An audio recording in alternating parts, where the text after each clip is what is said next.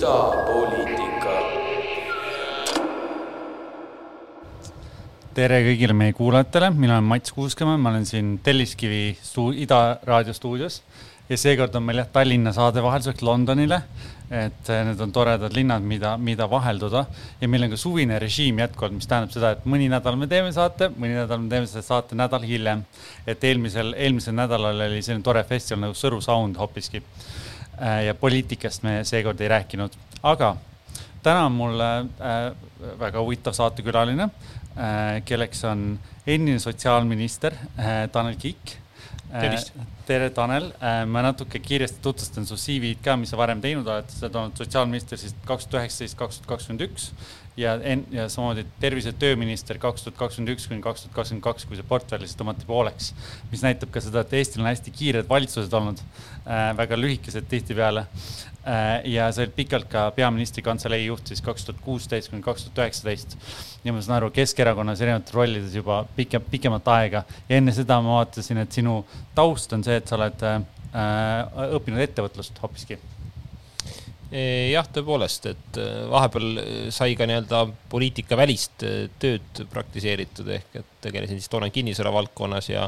ja siis õppima minnes tundus selline ettevõtluse projekti juhtimine täitsa põneva äh, väljakutsena, et olen ka õppinud noh, sotsioloogiat, mis jäi toona küll lõpetamata ja hetkel on magistriõpingud pooleli, täpsemalt on magistritöö tegemata ainsa asjana ja ei, seda, seda on tore alati näha, et inimestel on palju huvisid ka siis, kui nad lähevad poliitikasse, aga mida ma alati küsin, on see, et ma küsin inimeste eelmiste elude kohta, et, et äh, mis on huvitav, võib-olla sinu vaade, et kas kinnisvara, kinnisvara valdkonnal ja poliitikal on midagi ühist, sest sa pead väga hästi müüma, ma näen seda, et neil on kõik sildid väljas, neil on julgus minna ja, ja äh, teha mingi ettepanek, et kas sellel, kas neil kahel valdkonnal on mingeid seoseid? tead, igal valdkonnal on seosed, aga kui küsida niimoodi võib-olla näilisuse mõttes või väljapaistvu mõttes, siis kindlasti tõesti needsamad võib-olla plakatid või niisugune enda müümine, et kohati vaatad kinnisvara plakateid, jääb mulje, et need on nagu valimisplakatid, eks ole, et vali mind, eks ole, mina oskan, ma ei tea, kodu müüa või ma tean paremat hinda või muu taoline. aga teine pool, mis on sisulises vaates kindlasti sarnane, on see inimestega suhtlemise pool. ehk et kui poliitik suhtleb palju ajakirjanikega, valijatega, teiste poliitikutega, siis kinnisvara nii-öelda valdkonnas on sa maakler või hindaja või konsultant, sa pead väga palju suhtlema klientide, inimestega, kolleegidega, partneritega, eks sellise võrgustiku omamine on mõlemas hästi oluline ja selline suhtlemisoskus. nii et äh, paljud kinnisvaramaaklid siis sobiksid heaks poliitikuks? ma arvan, et nii mõnigi neist, aga ma pean tunnistama, et kinnisvara ja võib-olla poliitika eripära on ka see muidugi, et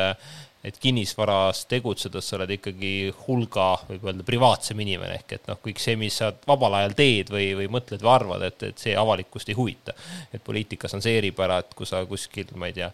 tuntum inimene oled ja siis käid sa seal, ma ei tea, Viljandi folgil või, või käid sa õhtul baaris või, või juhtub veel midagi halba, et peaksid sa, ma ei tea, kiirust ületama, muu taoline, siis see on kohe oluline uudis, eks ole, et, et kui sa töötad kinnisvara valdkonnas, siis suure tõenäosusega kedagi see lihtsalt ei huvita, kui mõni maakler näiteks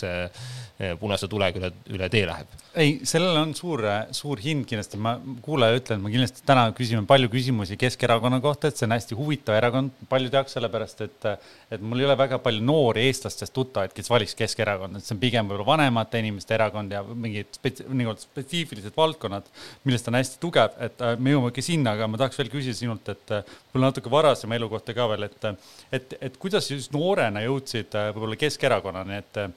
et võib-olla meie poliitika kese on hästi parempoolne, Keskerakond ei tõmba kõiki, kõiki mm., kõiki ei kõneta kõiki otseselt. et mis sind sellest tõmbas ja samamoodi on, meil on ka hästi palju olnud verevahetust Sotsiaaldemokraatliku Erakonna ja Keskerakonna vahel. et võib-olla sa oskad nende erakonna sarnasusi, erinevusi natuke tuua, et minu arust isegi ka Tallinna linnapea Mihhail Kõlvart on olnud sotside liige mingi aeg ja ka võib-olla sina vist korra et.... tõsi, olen olnud jah, aga no alustades algusest, ehk et sai kunagi eh, omal initsiatiivil nii-öelda erakonnaga ühinetud ja noortekogu ühinetud eh, eesmärgiga noh, esiteks saada natuke paremini aru eh, riigi valitsemisest ja anda ka oma panus noh, just poliitika selles suunas muutmisele, mis õige tundub. ja see vasakpoolsus on mul pigem, ma arvan, jah, ikkagi maailmavaate lapsest saati, et ju, ju see mõnes mõttes lapsepõlvest, kus, mis ei olnud ka kõige jõukam ja, ja kolmelapsest perest suure osa elust Lasnamäel elanud ja, ja, ja palju tuttavaidki seal, et, et küllap see kõik mõjutas, eh, just selline arusaam sotsiaalsest õiglusest ja, ja toona ja kahjuks ka võib-olla siiani tegelikult selliseid tugevaid vasakpoolseid erakondi Eestis ju ka väga palju ei ole, ehk et eh, sotsiaaldemokraadid vaheldava eduga võib öelda, et selles suunas püüavad liikuda ja olla, aga nende võib-olla peamine eripära või, või nõrkus Keskerakonna suhtes on see, et ei ole tegelikult suudetud Riigikogu valimistel ju sellist järjepidevat tulemust saavutada, ehk et mul on parlamendi matemaatika päris hästi peas alates üheksakümnendatest ja noh, võib öelda niimoodi, et sotside tipphetk oli siis võib-olla üheksakümmend üheksa aasta valimised mõõdukatena, seitseteist mandaati ja teine kord, kus neil läks ka päris hästi, tegelikult oli siis, kui Sven Mikser korra juhtis neid eh, kaks tuhat üksteist aastal saavutati ka arvestatav tulemus, see vist oli üheksateist mandaati, aga muidu on need väga vahepeal kukkunud seal kord kuue mandaadi peale eh, kahe tuhande kolmandal aastal, nüüd viimati ju kümne mandaadiga parlamenti tulnud, ehk väga raske on sellise suhteliselt väikse erakonnana poliitikas kaasa rääkida ja see on ka tegelikult Keskerakonna jaoks probleem, et selliseid nii-öelda strateegilisi tugevaid partnereid, et näiteks mm. sellist klassikalist vasakpoolset poliitikat nagu astmeline tulumaks või ettevõtete tulumaksu maksu ümbertegemine või ka lihtsalt äh, solidaarsem tervishoiusüsteem, universaalne ravikindlustus, et selliseid äh, liitlasi nende leidmiseks parlamendis äh, napib ei, nende vasakpoolsuse ja Keskerakonna sisu juurde me kindlasti tuleme tagasi, aga jah, selles on sul õigus, et see vahe on tõesti ilmselt selles, et, et sotsid ei ole suutnud seda pikaajalist toetust saada endale piisavalt palju. ja muidugi see, need valimised, mis sa rääkisid Mikseri ajal, see oli, need olidki protestihääled paljuski, et see oli Ansipi valitsemisaeg, kus oli väga need eelarve defitsiit oli religioon jah, aga teeme väikse muusikalise pausi vahepeal ja siis räägime rohkem Keskerakonna sisust.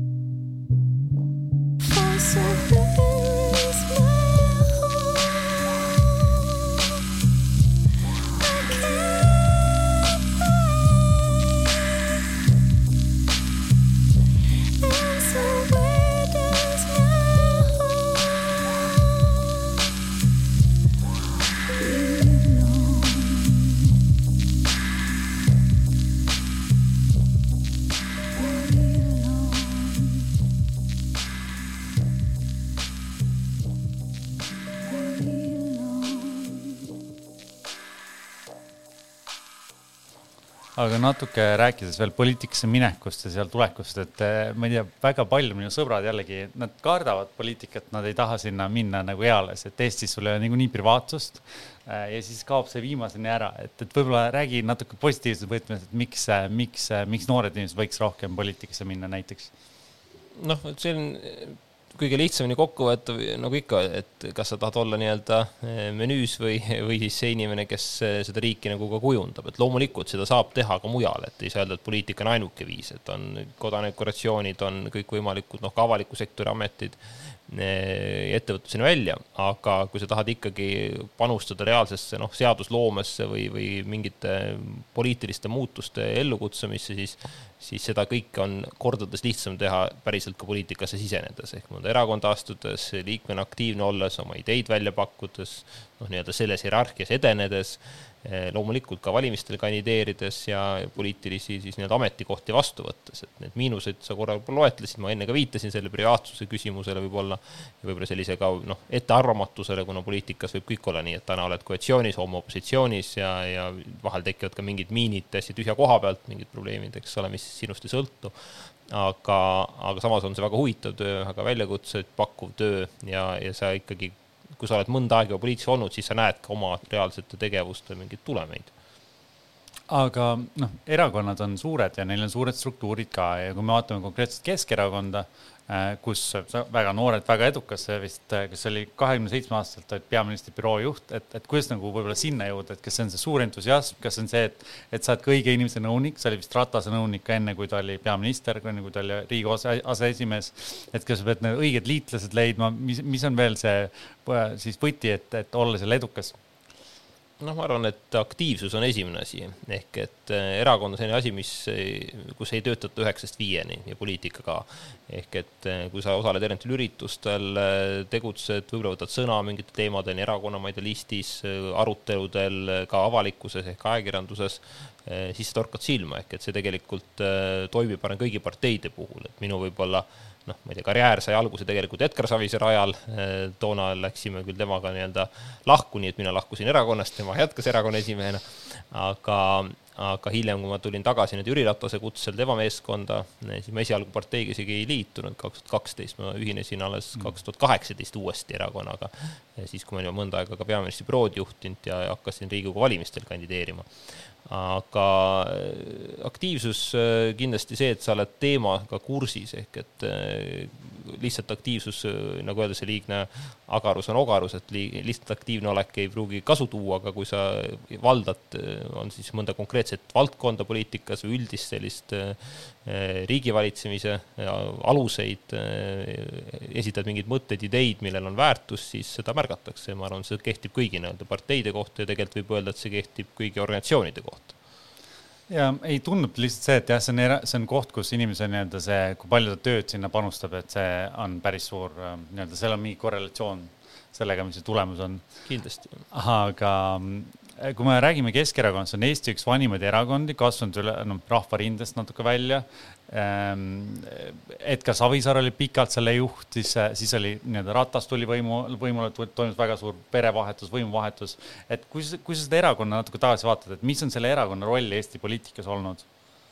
ja kuidas see on muutunud ka läbi nende erinevate faaside? Jaa, et noh, võib öelda nii, et äh, Rahvarinda ajal veel oli ta roll ju üks äh, iseseisvuse taastamise jõude, olla rahva ühendav, rahvast ühendav roll. hiljem võib-olla kujunes ta seal üheksakümnendatel pigem selliseks noh, protestiparteiks või alternatiiviks, et siis äh, toonastele, kas siis Mart Laari juhitud Isamaale või hiljem ka juba Reformierakonnale.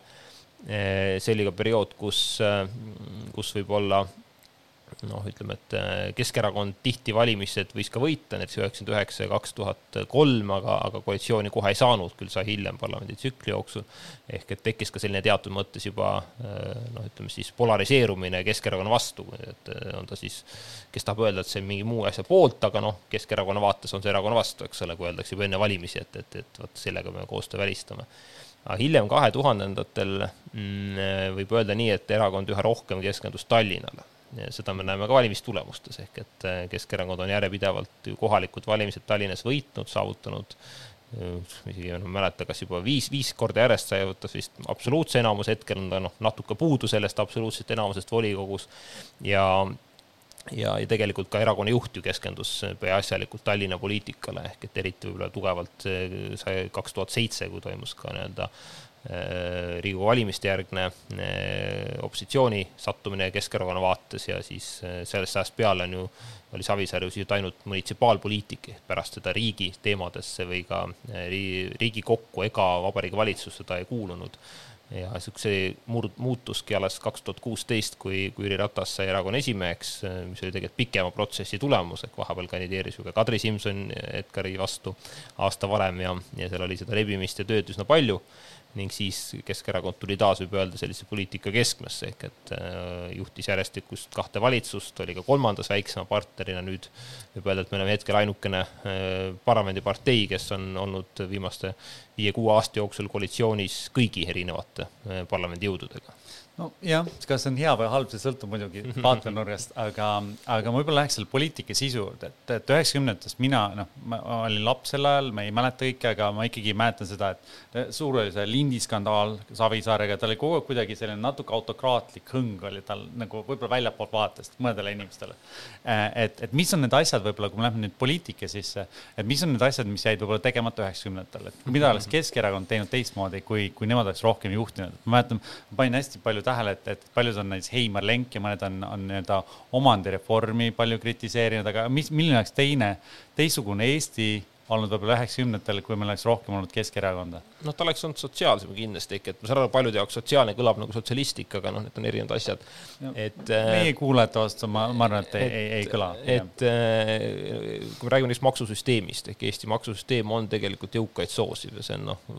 vabandust, minu, minu hinnangul see on nagu fakt, mitte isegi nagu seisukoht. ja, ja see on üks koht, kus tegelikult me eristume väga tugevalt näiteks Põhjamaadest, praktiliselt kogu Lääne-Euroopast, kus ikkagi äh, jõukamad inimesed maksavad enam maksu ja, ja vaesemad vähem, meil on see ühetaoline süsteem see on justkui lihtsasti hallatav, aga tegelikkuses tähendab seda, et äh, vaesem inimene, näiteks seal ütleme, madalama sissetuleku inimene maksab tegelikult väga suure osa oma sissetulekust ära, sotsiaalmaks, tulumaks, käibemaks poes ja, ja jõukamal osal ühiskonnast tegelikult see maksukoormus äh, suhtena ta sissetulekusse tuleb väiksem, sest ta, äh, suur osa tema kulutustest ei ole nii-öelda sundkulutused võib-olla toidule või elektrile või kommunaalarvetele teine asi kindlasti on tõesti, mis puudutab sellist noh, ka erastumise poolt ehk kindlasti oli väga õige noh, liikuda sellise kapitalistliku ühiskonna suunas, aga eh, siin mulle endal meeldib öelda, et nii-öelda turumajanduse nähtamatu käsi võib ju majanduses või turumajanduse seisukohalt toimida väga hästi, aga, aga tal ei ole mingit sellist äh, sotsiaalset või regionaalset maailmavaadet, ehk et kui me räägime linnastumisest, kui me räägime ääremaastumisest, kui me räägime ka just sellist ebavõrdsuse süvenemisest, siis eh, turumajandus eh, seda ebavõrdsust pigem kasvatab ja soosib, ehk et mida rohkem me nii-öelda erastame, mida rohkem me ka riigi funktsioone anname näiteks erasektorile, seda ebavõrdsemaks eh, ühiskond võib kujuneda, et kui me vaatame kas või Ameerika Ühendriikide tervishoiusüsteemi võrreldes seda Põhjamaade või Euroopas tavaks olnuga, siis need on nagu öö ja päev ja, ja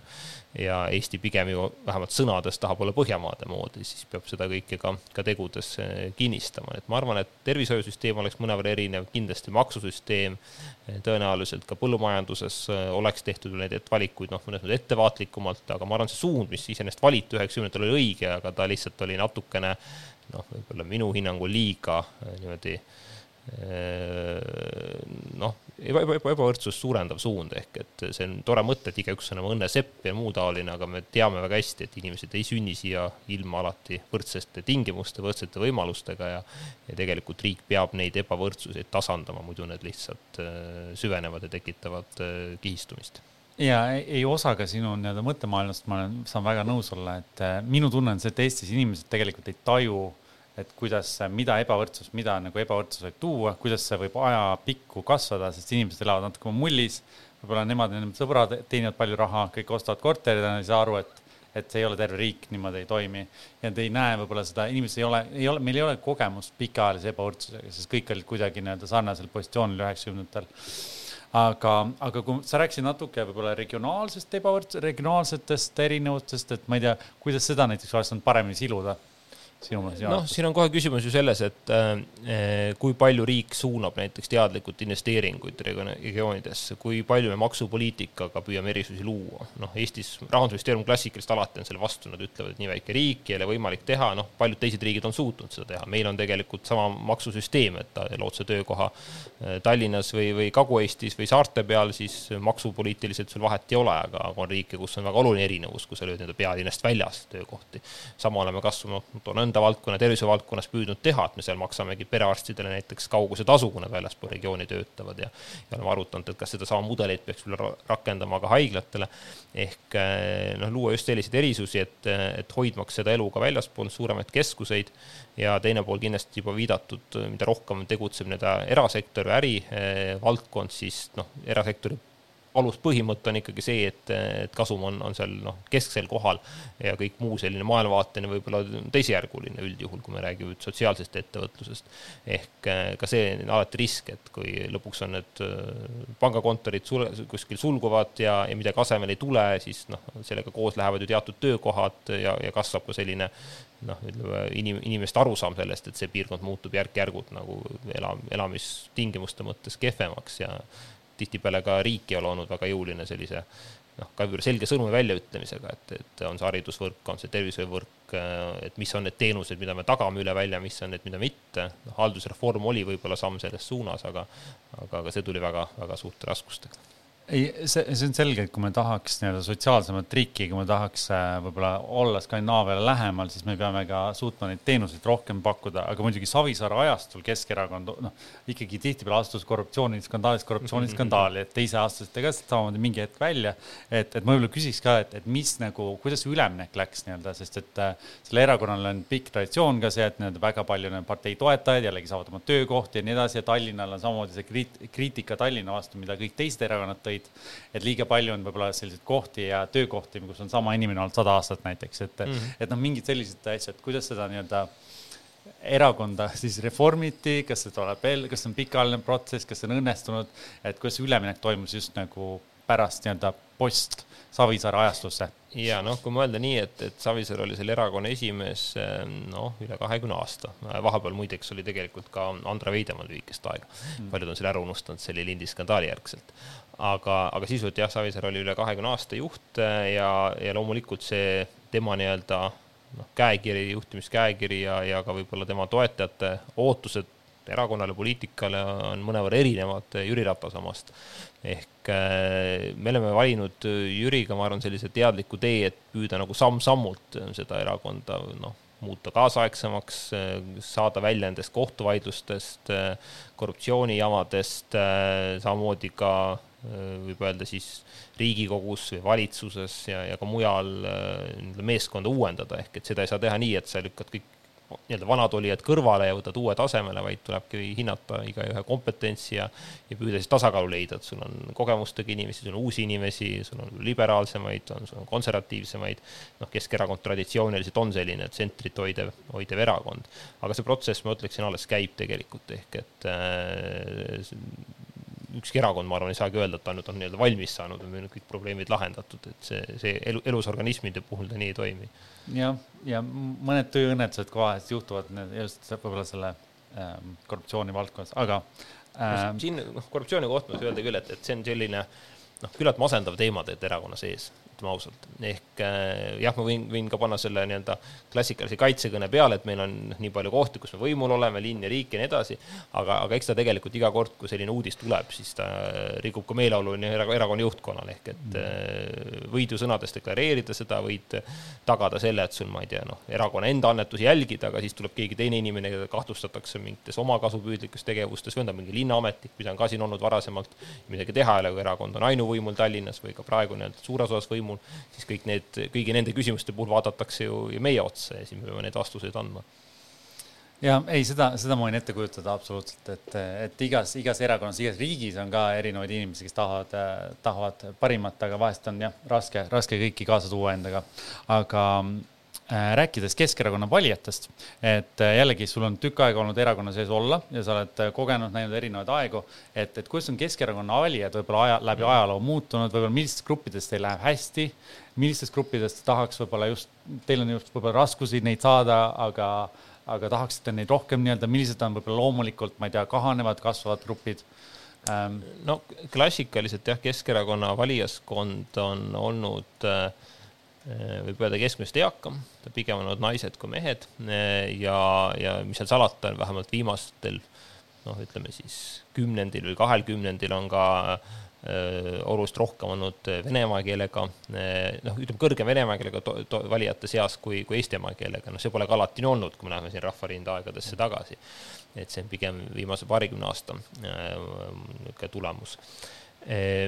kus me tahaksime toetust suurendada, noh siis noh, lihtne vastus on, et üle välja, ehk et eh, üheski valijarühmas ei saa öelda, et on, on küllalt, et, et seal pole vaja, aga kus on võib-olla kõige keerulisem, see kahtlemata on noorte hulgas,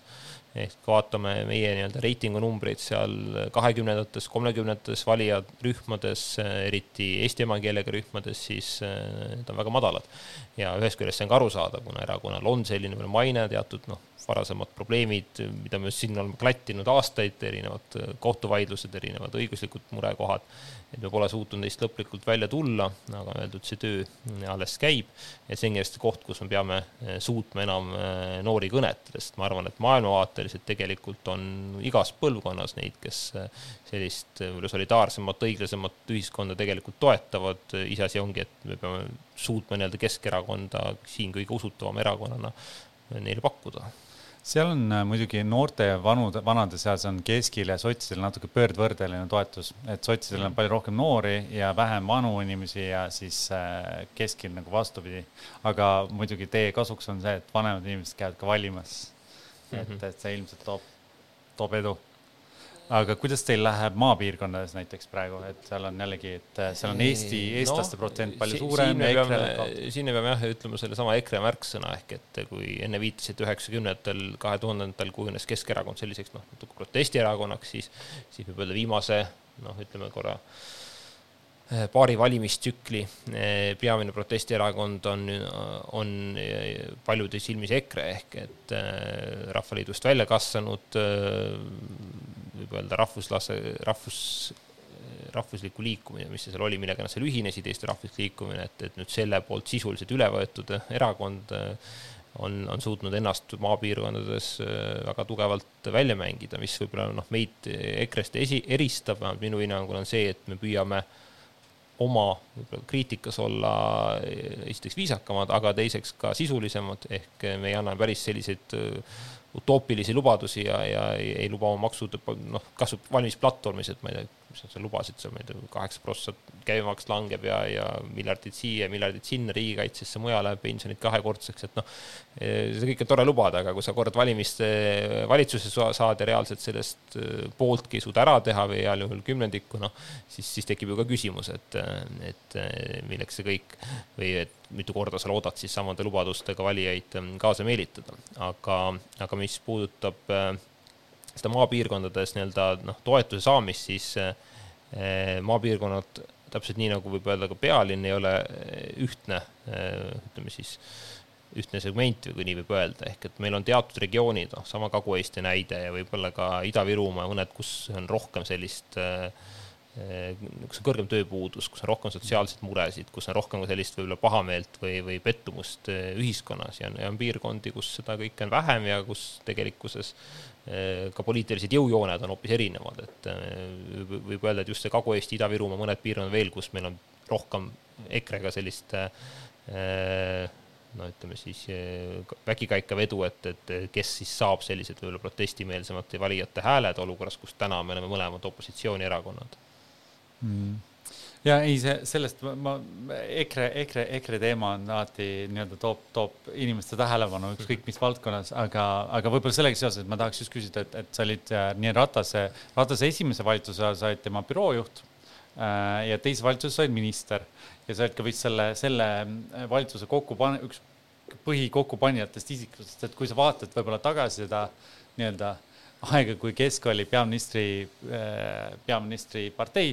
aga nii-öelda EKRE-ga ja ilma EKRE-ta, et kas seal oli, kas sellel kahel ajastul natuke muutus, sest, sest lihtsalt mina, mida mina näen jällegi väljaspoolt, hästi palju liberaalsed valijad tegelikult, ma peaaegu et oleks võinud nii-öelda Keskerakonna hakata valima mingi hetk, aga pärast seda EKRE kokkuminekut on seda väga raske nagu, väga raske neid nii-öelda tagasi tuua, ütleme nii mm. -hmm aga võib-olla see on väga nišš teie jaoks, see ei, osa ühiskonnast? ei ole, et see on arusaadav, et noh kui, kui nüüd küsida kolme viimast valitsust, kus Keskerakond oli, siis noh, ma olen seda ka erakonna sees öelnud, eks võin ka avalikult öelda, et minu isiklik lemmik neist oligi esimene, kui Keskerakond, sotsiaaldemokraadid ja toona siis jälle IRL, tänase nimega Isamaa ehk esiteks selles valitsuses sai päris palju sisulisi asju tehtud, nii kohalike omavalitsustele lisaraha, maaelu valdkond, maksureform, tervishoius lisarahastus, oli ka väga positiivseid teemasid, mis noh, sattusid meie aega, ehk et me saime juhtida Euroopa Liidu Nõukogu eesistumist, oli Eesti Vabariik saja tähistamine, ehk oli nii noh, väiksemaid kriise, kui, kuid oli ka laiemas laastus võib öelda ikkagi, ma arvan, majanduslikult ja ka inimeste elu, elatustaseme mõttes hea aeg. Äh, järgmine valitsus EKRE Isamaaga oli noh, Keskerakonna vaates paljuski selline sundkäik ehk et äh, toonane parlamendi matemaatika ei võimaldanud eelmise koalitsiooni jätkamist ehk Keskerakond, sotsid, Isamaa said kolme peale, peast ei eksi, kas see oli nelikümmend seitse mandaati ehk sellest ei olnud nelikümmend kaheksa. Ja ebapiisav igal juhul uue valitsuse moodustamiseks ning eh, siis tuli hakata alternatiive otsima, siis loomulikult need debatid olid väga tõsised erakonnas, et kas minna Reformierakonna juurde väiksemaks partneriks, kas minna lihtsalt opositsiooni või püüda siis teha koostööd eh, EKRE ja Isamaaga, noh. toona plusse-miinuseid vaakides leidsime, et, et mõistlikum on proovida seda koalitsiooni, noh, ma arvan, tagantjärele see pigem oli õige otsus, ehk ma saan aru küll erakonna vaates võib-olla tekitab see sellist noh, nagu ütlesid, liberaalsed inimesed vaatavad, et, et ei, ei julge enam valida, aga teistpidi sai, ma arvan, ka avalikkus natuke selgemaks, et milline see EKRE siis on ja milline ta ei ole, ja kui vaadata puhtalt nüüd reitingu tabeleid, see ei ole taas minu hinnang, vaid see, need on faktid. ehk EKRE toetus tõusis seni, kuni nad olid opositsioonis, seisis paigal praktiliselt kogu aja, kui nad olid valitsuses ja hakkas nüüd taas tõusma, kui nad uuesti opositsiooni sattusid. nii et see on selline väga selge suhe, mida me näeme, et neile sobib tegelikult selline opositsioonis olek paremini, nende valimistulemusele see mõjub hästi. et mõnes mõttes võib öelda, et meie noh, otsus nad valitsusse tuua tõi, tõi mõnes mõttes ka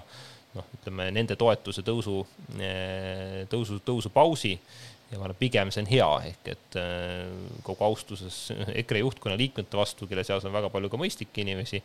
äh, sealhulgas auesimees Arnold Rüütel, kellest ma isiklikult pean väga lugu,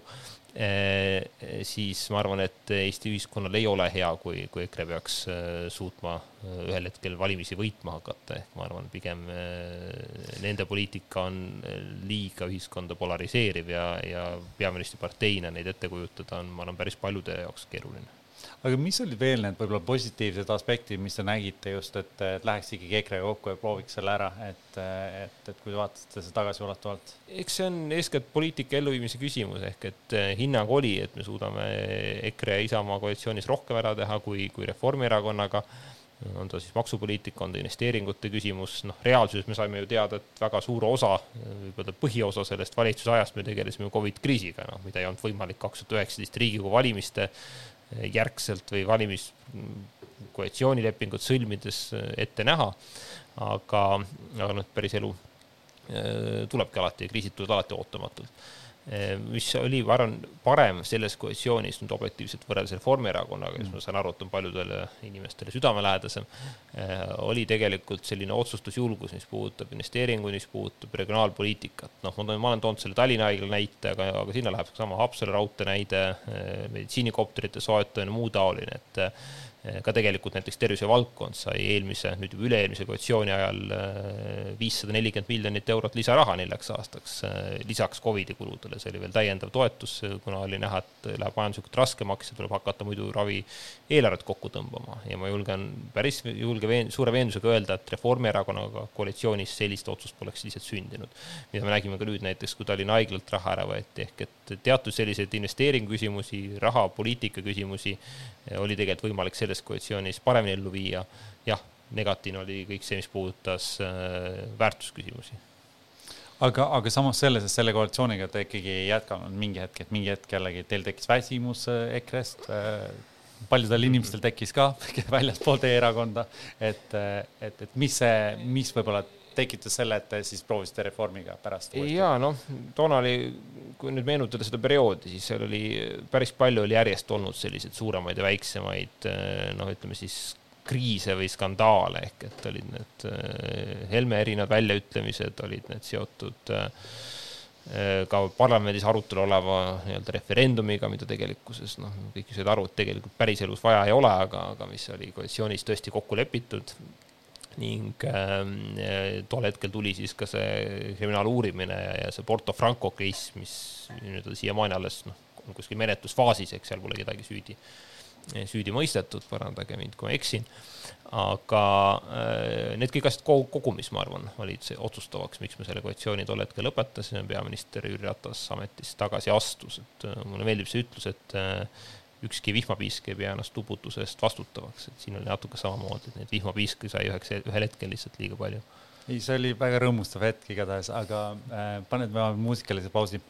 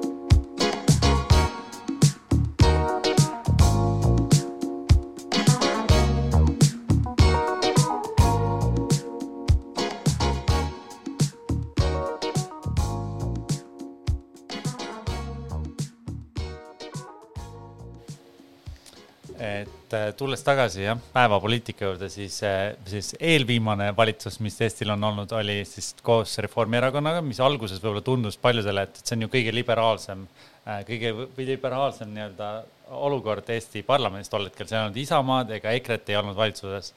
Äh, ja et, et, et, et, võib-olla ootus oli see, et miks ei võiks need kaks partnerit hästi läbi saada, teha palju asju ära, aga kuidagi nii ei läinud, et, et võib-olla mis olid need, mis on need ühisosad või mis teil olid olemas ja millest see ikkagi nagu nii suur nii-öelda lahkuminek toimus mm? -hmm noh, ma arvan, sarnane arusaam kindlasti meil on eh, sellistes noh, võib-olla elementaarsetes inimõigustes, inimväärikuse küsimustes ehk et eh, me ei pidanud mingit arutelu selle üle, et kas meil on vaja, ma ei tea, põhiseadust muutma hakata kuidagimoodi, et mingit traditsioonilist perekonda kellegi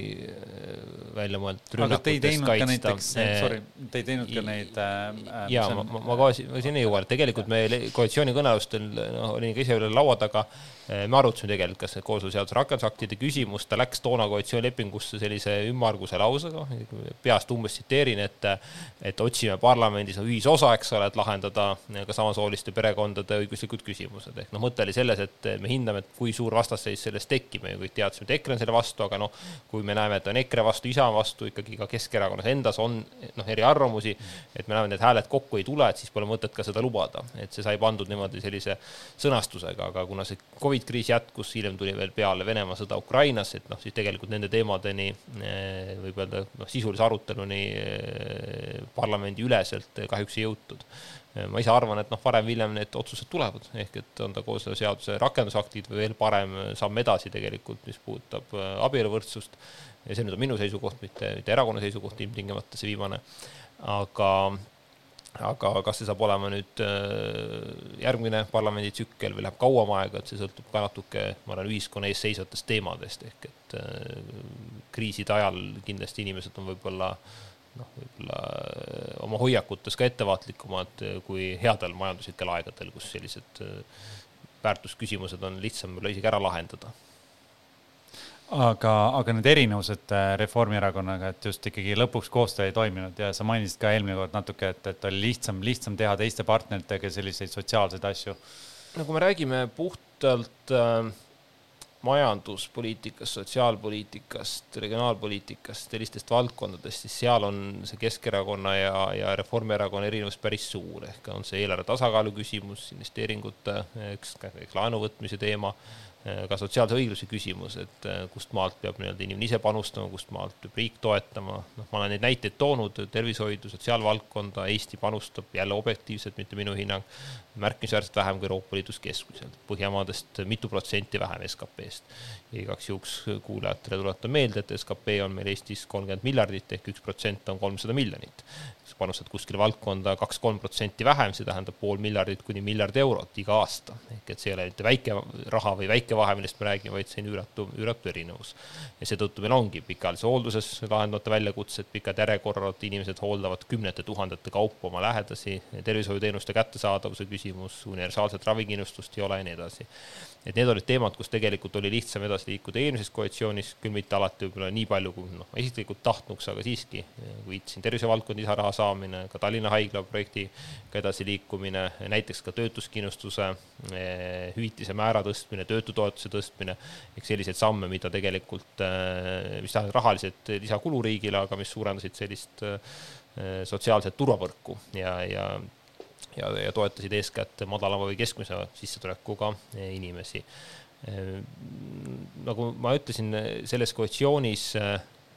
oli taas noh, võib-olla nii nagu eelmiseski, nüüd üle-eelmises, eks ole, suur osa ajast äh, kriiside lahendamine ehk et ka see tegelikult sellist sisulist debatti loomulikult raskendab, ehk et äh, kui sul ei ole koalitsioonis kokku lepitud mingit konkreetset sammu, nagu näiteks pensionitõus uuest aastast oli kokku lepitud või maksuvabaks muutmine keskmise pensioni ulatuses, siis, siis väga raske on sul keset näiteks Covidi kriisi veel enam keset Venemaa sõda Ukrainas hakata arutama mingisuguseid suuri sotsiaal- või tervishoiupoliitika reforme, ehk et need paratamatult noh, tol hetkel jäävad tahaplaanile, väga lihtne on vastata, et koalitsioonilepingus seda ei ole ja meil on siin kriisid lahendada, et lisaks sellele oli ka energiakriisi küsimus, kus oli ka seda debatti ja arutelu palju, kus Reformierakond alguses oli väga paljude toetuste, meetmete vastu, nii nagu ta oli ka erinevate lisaeelarvete koostamise vastu, aga lõpuks tuli nendega kaasa, et nüüd on näha, et uues koalitsioonilepingus on need energiatoetusmeetmed juba sõnaselgemalt sisse kirjutatud aga äh, minu jällegi väljaspoole, väljaspoolt vaatleja selline tunnetus, et, võib-olla kui aeg oli, kui Reps oli teie fraktsiooni juht parlamendis mm -hmm. ja siis aeg, kui selleks oli Karilaid, siis, siis see, see nii-öelda Keskerakonna stiil natuke poliitikas muutus. kas see oli õige tähelepanek, kas see on nagu isikus, isikuste mhm. teema või see on mingi uus strateegia? No ma arvan, see on mitu asja koos, et esiteks loomulikult inimesed on erinevad, teiseks noh, Mailis oli selle koalitsiooni üks kokkupanijaid, eks ole, Mailis Reps ja mina ja Jaak Aab olime noh, peamised läbirääkijad koalitsioonikõnelustel. Jaanus Karilaid küll samuti osales neil, aga, aga väiksemas ulatuses ehk kindlasti noh, Mailis jaoks koalitsiooni hoidmine oli, oli noh, kuidagimoodi äh, olulisem teine pool, eh, mida tõi elu ise, ma ütleks ikkagi on see, et väga paljud teemad nagu sama energiakriis, kõrged hinnad, siiamaani tegelikult euroala kiirem hinnatõus, eh, need eeldasid noh, sekkumist. Ehk et meie valija, Keskkonna valija on siin palju hinnatundlikum, palju suuremate ootustega üle riigile, sealhulgas ka fraktsiooni liikmed tegelikult, kui võib-olla Reformierakond, kelle valijaskond pigem taas mitte minu hinnang, vaid statistika on keskmisest jõukam ja, ja võib-olla nii tugevalt ei taju kohe neid erinevaid hinnatõuse ja, ja, ja kelle elatustase sellest nii märkimisväärselt ei lange. ehk need olid kohad, kus nii või naa tegelikult erakond pidigi olema jõulisem, pidigi oma poliitikat kehtestama, sõltumata sellest, kes on äh, fraktsiooni juht jah, aga väljaspoolt vaadates muidugi see nii-öelda lastetoetuste teema jäi hästi pikk, hästi pikk vaidlus oli sel, sel teemal, et kas see võib-olla tagantjärele, kas seda, kas seda koalitsiooni oleks saanud natuke paremini koos hoida mm,. ma mäletan, sa vist korra ütlesid seda ka, et mis oleks no ma kunagi ütlesin ja jään selle juurde, et, et ütlemata jabur on, oleks koalitsiooni lõpetada peretoetuste tõstmise pärast ja, ja ma jään selle juurde praegu ka. aga, aga koalitsioonis nagu ikka suhetes on vaja kahte osapoolt ja tahtmata kogu seda süüd lükata nüüd eh, Reformierakonnale, siis fakt on see, et noh, peaministrierakond ja peaminister on alati see, kellel on kõige suurem vastutus koalitsiooni kooshoidmise teemal.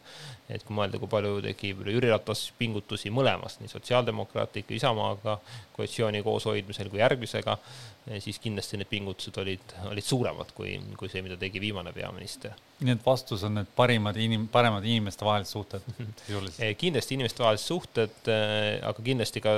noh, see põhimõtteline vahe, et kas sa peaministrina tunned, et koalitsiooni kooshoidmine on su esmane prioriteet eh, või sa ühel hetkel saadad ilma ette teatamata seitse ministrit nii-öelda pingi peale ja alustad uusi läbirääkimisi, ehk need on ka käekirja erinevused ja ma ei hakka praegu siin sellele vastu vaidlema, sest meil ei ole, meil ei ole aega enam praktiliselt, aga ma tahaks rääkida vene kogukonnast, et äh, sa mainisid enne ka, et Keskerakond on ju alati rohkem, alati on rohkem naisi, kes on kesk, nii Keskerakonna toetajate seas ja minu meelest ka näiteks Riigikogu liikmete ja ministrite seas alati on olnud naisi ja alati on olnud ka vene kogukonna esindajaid. Et, et kuidas on nii olnud, et üks erakond on sisuliselt ikkagi peaaegu, ma ei tea, terve Eesti iseseisvusperioodi olnud, omanud, ma ei tea, kuni kaheksakümmend protsenti vene, vene kogukonna toetust. et kuidas see teil on õnnestunud, kuidas see teistel on ebaõnnestunud? no ma arvan, et eeskätt on see tõesti olnud äh, järjepidevuse küsimus, ehk et noh, mingid teemad nagu näiteks äh, mittekodanikele teatud äh, võimaluse andmine Eesti kodakondsust saada lihtsamas korras või ka Äh, paralleelselt noh, valimiskampaania tegemine alati ikkagi nii eesti kui vene keeles, äh, sealhulgas noh, poliitikute enda äh, noh, olemasolu, ehk et kui sa oled, kui sa näed, et mõnes erakonnas on juhtival kohal ka vene emakeelega poliitikud, on see Riigikogus, on see valitsuses, on see omavalitsuste tasandil, Tallinna linnas või mujal, et äh, siis see ka paratamatult äh, suurendab tõe, tõenäosust, et sa selle erakonna poolt ka hääletad, võrreldes selle erakonnaga, kes pakub sulle võib-olla esinumbrina mõnda inimest, kes äh, eelmistel valimistel teatas, et noh, ütleme siis, väljendas ennast väga selgelt vaenulikult venemaa keelega kogukonna suhtes, noh neid, neid poliitikuid meil Eesti riigis on päris palju, ma ei hakka ka neid siin loetlema, kuna nad ei ole hetkel mm. saates, ei saa vastu vaielda aga, aga samas on see, et ühiskonnas on, on ikkagi väga palju valdkondi, kus venelasi praktiliselt ei noh, ikkagi väga vähe on või noh, neid on näiteks välisteenistus või mõned riigiametid ja nii edasi, et, et, et mis on need asjad, vene kogukonna jaoks, mida ta tahaks veel ära teha? noh, ega see kokkuvõttes on selline Eh, võib öelda mõlemapoolne ehk et eh, riigi roll ja erakonna roll on luua, luua need võimalused, et tulla erineva emakeelega poliitikuteni, eesti kui venemaa keelega nii kohalikes omavalitsustes võimule, Riigikogus kohtadele, ka edeneda avaliku sektori karjääriredelil tervikuna, aga teine pool on loomulikult, et inimestel endal peab olema see tahtmine, eks ole, esiteks eh, poliitikas ja üldse võib-olla riigis ma arvan, erasektoris samuti, aga veel rohkem avalikus sektoris edukas olemiseks, noh, esmane eeldus on väga hea äh, emakeele os-, eesti keele oskus. ehk noh, see lihtsalt teistmoodi mõelda, kui mõelda ka meie tipp-poliitikuid, nii-öelda äh, venemaa keelega poliitikuid, siis nad kõik räägivad väga hästi, väga tugevat eesti keelt, ehk ilma selleta pole võimalik, et kindlasti peab olema see arusaam, teine asi peab olema tahtmist noh, avalikus sektoris panustada, valmisolekut selleks, et ka su eraelu ja kõik su maailmavaatelised küsimused on, on avaliku huvi objekt kuni sotsiaalmeedia postitusteni välja. Ja, ja siin ma arvan, et nii nagu võib öelda venemaa keelega poliitikuid, äh, ütleme nii nagu venemaa keelega inimeste seas, ka eesti emakeelega inimeste seas äh, on küllalt palju neid, kes äh, sellist tähelepanu ja kogu sellist pildis olekut nagu pelgavad, et et siin tuleb, ma arvan, mõlemat rahvusrühma julgustada ikkagi aktiivselt poliitikast osa võtma. Aga kõige suurem, üks suuremaid teemasid, mida see praegune valitsus siin nii-öelda lubas või nii-öelda otsustas justkui, aga vist ilma väga täpse plaanita, on, on see, et äh, sisuliselt viia Eesti haridus, vene haridus kokku siis kuni keskkoolini. ma ei tea, mis on teie arvamus sellest, äh, kas see on äh, hästi, kas see on elluviidav, te olete tavaliselt vahest tõmmanud pidurit natuke mm -hmm. vene koolide nii-öelda ära, jutumärkides ärakaotamisele. et, et mis on teie vaade hariduse teemal? noh, ma ei ole haridusvaldkonna inimene, nii et mul on äh, eeskätt võimalik tugineda siin noh, kolleegide hinnangutele, et äh, mis puudutab äh, õpetajaskonna ebapiisavust, mis puudutab materjale, metoodikat, muud taolist, et iseenesest see suund, et Eestis üha rohkem noori õpib eesti keeles, ma arvan, on õige, see, et on tagatud kvaliteetne eesti keele õpe ka neile noortele, kes õpivad vene keeles ja et nad peaksid kooli lõpus igal juhul riigikeelt väga heal tasemel oskama, et see on kindlasti õige. Aga see pool, mis puudutab jah, kõikvõimalikke tähtaegu ja, ja eriti selliseid ambitsioonikaid tähtaegu, et noh, siin kohe tekib küsimus, et, et äh, nii nagu enda valdkonna tuua näite, et tervisevaldkonnas arstiks õpitakse kuus aastat pluss residentuur ehk kokku eriala arstiks sa saad kümne aastaga. et ega ka haridusvaldkonnas ei ole ju noh, oleks naiivne eeldada, et, et ühe-kahe aastaga me loome juurde terve hulga ideaalselt eesti ja vene keelt oskavaid matemaatika, füüsika, keemia, bioloogia ja kõigi muude valdkondade õpetajaid, et mina neid arvutusi ja neid hinnanguid ei ole näinud, mis seda toetaksid, aga ma loodan väga, et, et sellele mõeldakse ja teine asi, mis ma olen tähele pannud, on see, et Keskerakond on proovinud vahest tuua ka valitsusse Vene ministreid, aga alati see ei ole nagu õnnestunud, et, et, et kuidas see on nagu, kas see on, kas see on asi, mida te, mida te vaatate, et oleks igal pool mõned venelased ka või et ma näen, et Eestis üleüldiselt teised erakonnad nagu ei tee seda, et meil on, meil on mitmeid valitsusi, kus ei ole ühtegi venelast ja kakskümmend viis protsenti ühiskonnast on venelased, see on minu jaoks ebaloogiline. Mm. -hmm jah, me seda vaatame, kui mõelda nii, et meie esimene valitsus, kus noh, kaks tuhat kuusteist siis ähm, Jüri Ratase esimene valitsus oli tegelikult alguses ähm, kaks venemaa keelega poliitikut. Neist küll Martin Repinski karjäär ei osutunud väga pikaks, aga noh, see oli tema enda võib-olla taustast tulenevalt veel põhjustel, mitte kindlasti äh, rahvuse pinnalt. kahjuks ka Mihhail Korb pidi ühe ebaõnnestunud väljaütlemise pärast ametist äh, lahkuma et pärast seda ei ole meil tõesti võib-olla eh, Venemaa keelega poliitikuid eh, viimastes valitsustes olnud, osaliselt eh, tuleb ausalt tunnistada, et koalitsioonis EKRE-ga ei olnud ka liiga palju neid Vene poliitikuid, kes oleks tahtnud seda vastutust mm. võtta. küll aga oleme vaadanud ka laiemat pilti alati, et mitte ainult noh, valitsus, vaid ka Riigikogu fraktsioon, fraktsiooni juhtkond, erinevad kandidaadid, samamoodi noh, Tallinna linnapea, abilinnapead, et et, et meil oleks igal juhul tagatud, et lisaks tugevatele eestikeelsetele, eesti emakeelega poliitikutele oleks ka vene rahvusest poliitikutel võimalust noh, nii-öelda poliitikat ellu viia ja, ja, ja avalikkusele näidata, et, et erakond on mõnes mõttes mõlema rahvuse rühma eest väljas aga arvestades jah, et kui palju teil on ikkagi vanem, vanemaid vene valijaid, kes vaatavad jällegi osaliselt Vene televisiooni, mida vist praegu on raskem vaadata, et kas Vene valijad on natuke segaduses, kas teil on nagu mure nende pärast või, või kuidagi eraldi kommunikatsioon, et, et neid mitte, mitte, et nad ära ei kaoks kusagile no.? alustuseks tuleb kindlasti öelda, et see on niisugune laiem riigi mure, et mitte ainult meie mure, et see Venemaa sõda Ukrainas tuli, ma arvan, päris suure šokina ikkagi mitte ainult Eesti emakeelega inimestele, vaid, vaid noh, ma tahaks öelda igale adekvaatsele inimesele, sõltumata emakeelest ja, ja väga suur osa kindlasti ka vene kogukonnast siiamaani on, on sellises noh, korralikus konfliktis iseendaga või, või oma, oma seniste põhimõtete või, või maailmavaatega, et äh, uudised ja, ja teadmised, kus ta seni on elanud, äh, erinevad oluliselt sellest, mida tegelikult äh, Venemaa relvajõud hetkel Ukrainas korda saadavad, neid kuritegusid arvestades. ehk siin kindlasti noh, meie sõnumid erakonnana kattuvad riigi sõnumitega, mis puudutab Ukraina toetamist ja, ja nii sõjapõgenike aitamist kui ka igakülgset noh, Venemaa nii-öelda hukkamõistu ja sanktsioneerimist rahvusvahelisel tasandil, seda tulebki lihtsalt selgitada nii riigil kui ka igal erakonnal, et miks see praegu on vältimatu ja miks meil tuleb anda endast parim, et see sõda võimalikult kiiresti lõpeks, et siin ma arvan, mõõta poliitilisi toetuspunkte oleks lühinägelik. jah ei, see on, see on, see on, see on keeruline teema muidugi, aga, aga samas jah, teil on väga-väga pikalt väga suur monopol olnud nii-öelda äh, Vene valija üle mõnes mõttes, aga, aga kui me vaatame teisi erakondi, et, et kas te näete, et nagu teistel erakondadel on pikalt potentsiaali Vene valijaga, näiteks ma ei tea, EKRE on väga palju proovinud, mõnes linnas õnnestus, mõnes vist ei õnnestunud, näiteks Ida-Virus noh, jah, vot noh, EKRE, EKRE poliitika on, on nende, nende teha, aga mulle tundub, et vähemasti kui me räägime Vene valijatele lähenemisest, see on hästi selline projektipõhine tegevus on olnud, et tuleb keegi kuskilt midagi teeb, toimetab, siis küsitakse peakontorist öeldakse, et see pole meie poliitika, me isegi ei tea, mis nad seal Narvas arvavad. et päris nii ei saa, ehk et eh, kui sa, kui sa lähed kuskile välja oma, oma nimekirjaga, oma, oma kandidaatidega, siis paratamatult sa võtad ka vastutuse nende kandidaatide väljaütlemiste tegevuste üle ja ja vajadusel eh, noh, peadki suutma siis kas neid seisukohti kaitsta ja põhjendada või vastupidi, nendest inimestest siis loobuma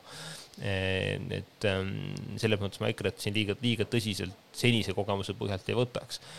mis puudutab teisi erakondi, siis ma arvan, et sotsiaaldemokraatidel, Eesti kahesajal on kindlasti olnud siin oma äh, võimalused ja on ka täna, kui vaatame kasvõi ka äh, noh, Tallinnaski on ju tegelikult linnavolikogu esimees olnud ka vene valijaskonna seas küllalt populaarne teatud hetkedel. Jevgeni Ossinovskit pean siis silmas ning ka need teemad, ma arvan, on, on südamelähedased, vasakpoolne poliitika, sotsiaalsed küsimused paljudele vene emakeelega valijatele, aga meie eelis Keskerakonna eelis on tõesti see, et meie nii-öelda ütleme otse siis eh, vene emakeelega poliitikute pink on kõige pikem ja meie tegevus on siin kõige järjepidevam. ja kui sa saaks ajas tagasi reisida enne koroonakriisi, kui sa olid eh, juba sotsiaalminister, et, et mis on need asjad, mis eh, noh, koroona oli kõigi jaoks nii-öelda learning by doing, eks ole, et pidi ruttu reageerima, asju tegema, et, et mis on võib-olla need asjad, mida, mida praegu, ma ei tea, sina ja võib-olla valitsus, Keskerakonna siis osalus oskaks paremini korraldada või teistmoodi teeksite mm noh, kui tagantjärele tarkusena kõike teaks, siis, siis ikka teeks asju, et noh, ma olen nalja teinud, et oleks teadnud, et tuleb suur äh, nakkuspuhang, oleks hakanud isikukaitsevahendeid varuma ju kohe ametisse astudes, aga see oleks toona tundunud ilmselt avalikkusele päris kummaline, kui oleks rahataotlustega tulnud kaks tuhat üheksateist kevadel, et mul niisugune sisetunne, et, et talvel läheb pandeemiaks. Aga, aga mis kriisi enda käigus kindlasti äh, näitas, et äh, vaktsineerimise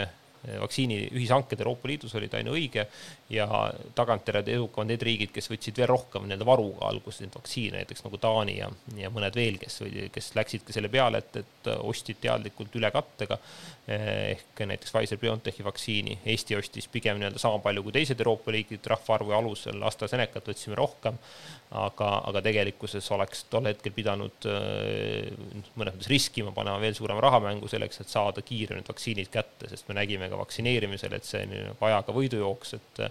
see soov ja tahe ennast vaktsineerida oli kõrgem alguses, sel ajal, kui vaktsiini tegelikult oli vähe ja pidevalt tuli seal neid äh, tarneid ja kõike ajastada, sättida, et,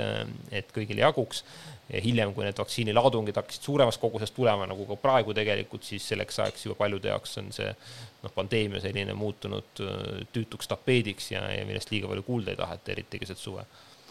aga, aga aitäh, Tanel Kiik, toreda jutuajamise eest ja me ootame siis, et Keskerakonnast natuke liberaalsem meie valijad. ikka, ikka, aitäh, jõudu, ilusat suve.